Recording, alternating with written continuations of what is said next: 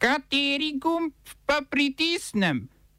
Tisti, na katerem piše OF.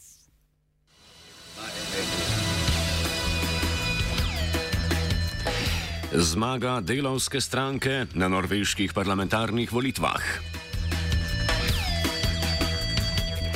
V Nigeriji napadalci razstrelili ograjo zapora in izpustili več stojetnikov. Jemenska vlada v boju s hutijskimi uporniki izgublja ozemlje.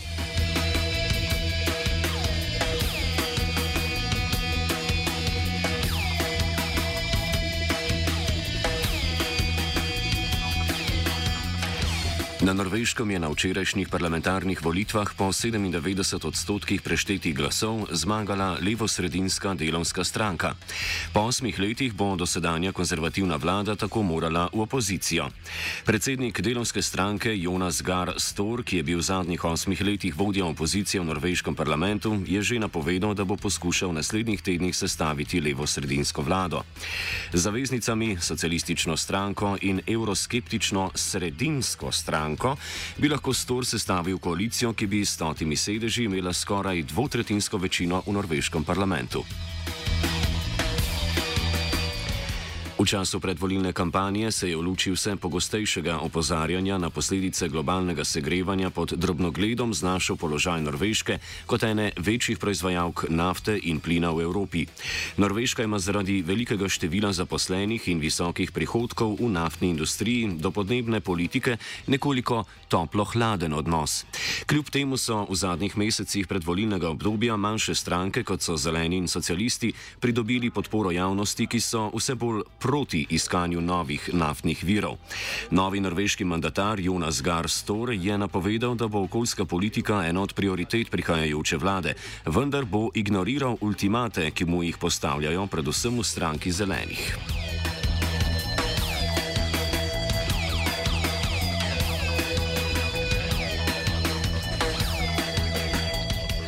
Oborožena skupina je razstrelila ograjo pol odprtega zapora v Kabi v pokrajini Koga na jugu Nigerije in izpustila približno 260 zapornikov. Napadalci so z eksplozivi prebili zaščitno ograjo na treh straneh in v strelskem spopadu ubili vojaka in policista, ki sta bila del 35-članske obrambne posadke zapora. To je bil drugi letošnji napad na nigerijski zapor, potem ko je neznana skupina napadla zapor v Overiju prav tako na jugu države, in izpustila okrog 1800 zapornikov. Napadi na zapore niso edini znak krize nigerijske notranje varnosti. Vse več kriminalnih združb namreč izvaja oborožene rope po vsej državi. Na severovzhodu prihaja do islamskih uporov in v zadnjem letu se je povečalo število masovnih ugrabitev šolajoče mladine.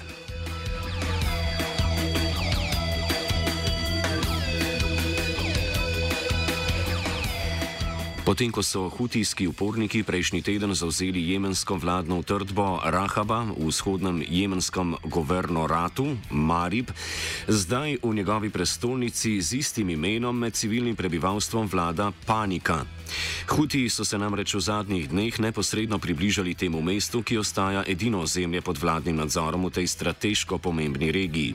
Letos so vladne sile proti hutijskim upornikom izvedle ofenzive na vzhodu, na jugozahodu in v centralnem delu države, a so jih hutiji povsod ustavili in izvedli uspešne protinapade.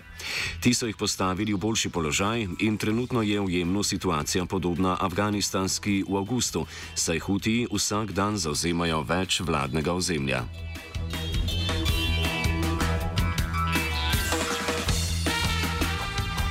Južnokorejska agencija za nadzor monopolov je podjetju Google izstavila račun za globo v vrednosti okrog 150 milijonov evrov zaradi Googlove domnevne zlorabe sporazuma proti drobljenju krajše AFA. Sporazuma se je Google pogosto posluževal, ko je začenjal sodelovanje s proizvajalci elektronske opreme, ki se je znašla v Googlovih napravah. Sporazum tem proizvajalcem nalaga, da proizvedene telefone opremijo z nekoliko zastarelimi različicami operacijskega sistema Android, zato da bi Google imel večji nadzor nad sistemskimi nadgraditvami. Južnokorejska komisija za pravično trgovino je pojasnila, da je Google pogosto silil proizvajalce k k podpisu pogodbe AFA in s tem poskušal nadzorovati južnokorejsko tržišče operativnih sistemov za mobilne telefone. Iz Google so sporočili, da se ne bodo pritožili na sodišču in se sklicevali na prednosti, ki jih po njihovem mnenju prinaša operacijski sistem Android.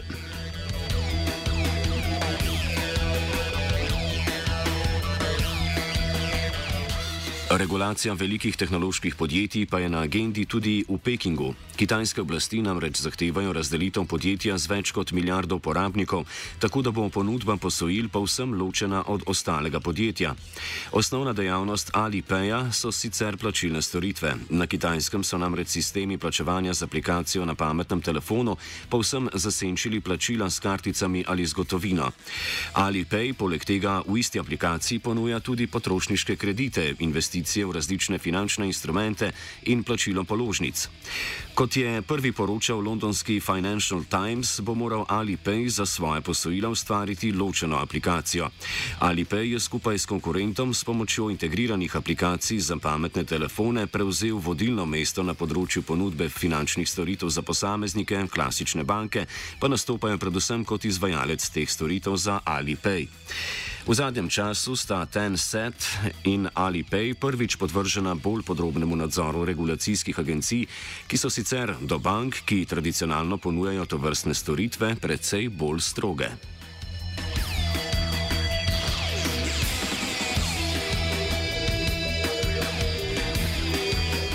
Mednarodni blok novic zaključujemo v Črni Gori, kjer v središču politike ostaja samostan v stari prestolnici Cetinje. Vlada v Podgorici je namreč naložila upravi za kataster, da prenese lastništvo cetinskega samostana z lokalne oblasti na Črnogorsko državo. To ji omogoča sodba iz leta 2005, ki pa nikoli ni bila implementirana. Včerajšnjo odločitev je sprožila napoved Cetinske skupščine, da bo danes razpravljala o vrnitvi samostana Črnogorski pravoslavni cerkvi. Lasništvo samostana si sicer pripisuje tudi metropolija Črnogorska. Primorska srpske pravoslavne cerkve. Pred dobrim tednom je v samostanu svetega Petra v Cetinjah potekalo ustoličenje črnogorskega metropolita srpske pravoslavne cerkve Joannikija. Oba, če, če bom odgovoril na angliški. Slovenija will try to help. Uh, we can. Slovenija will. Uh, and we will. Do our utmost. To say that the situation is. Our problem ourselves. And uh, we will. Uh, make further steps as soon as the conditions are. Bomo vlado Marjana Cererja, Marjana Cererja Šarca podprli. Very, very serious. News from Slovenia. We know how and we will. Evropsko sodišče za človekove pravice je razsodilo, da v primeru bančnih izbrisov v Sloveniji v letih 2013 in 2014 razlaščeni vlagatelji niso imeli možnosti pravnega varstva. Takrat so v vrsti ukrepov vlade Alenke Bratušek v okviru sanacije šestih bank razlastili več kot 100 tisoč lastnikov bančnih delnic v skupni vrednosti 960 milijonov evrov.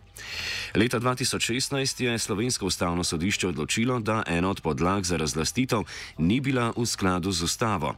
Spor o možnostih pravnega varstva razlaščenih vlagateljev se ni ustavil na slovenskih sodiščih, zato je v njem odločalo Evropsko sodišče.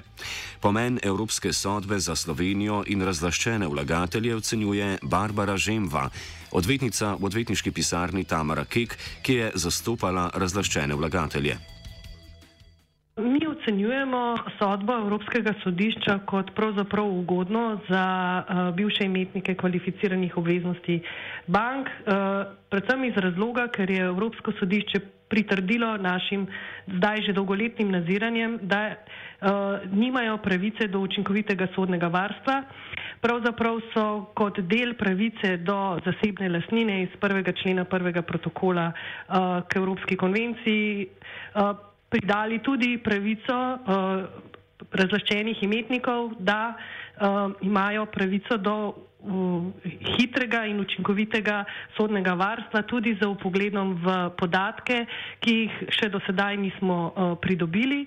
Uh, in od, upamo, da bo to spodbudilo pravzaprav um, uh, slovenske zakonodajalce, državni zbor in vlado, da bo sprejela uh, ustrezne ukrepe, da se ta položaj razreši. Morda tudi na način, da se uh, ponudi poravnalno schemo ali na kakršen koli drug način. Vemo sicer, da so postopki ustavljeni zaradi, zaradi vložitve uh, uh, predloga za predhodno vprašanje pri Evropskem sodišču v uh, Luksemburgu, vendar um, jaz osebno mislim, da moramo uh, čim prej uh, začeti z postopki, uh, razkriti podatke za to, da bomo lahko rešili nastalo situacijo.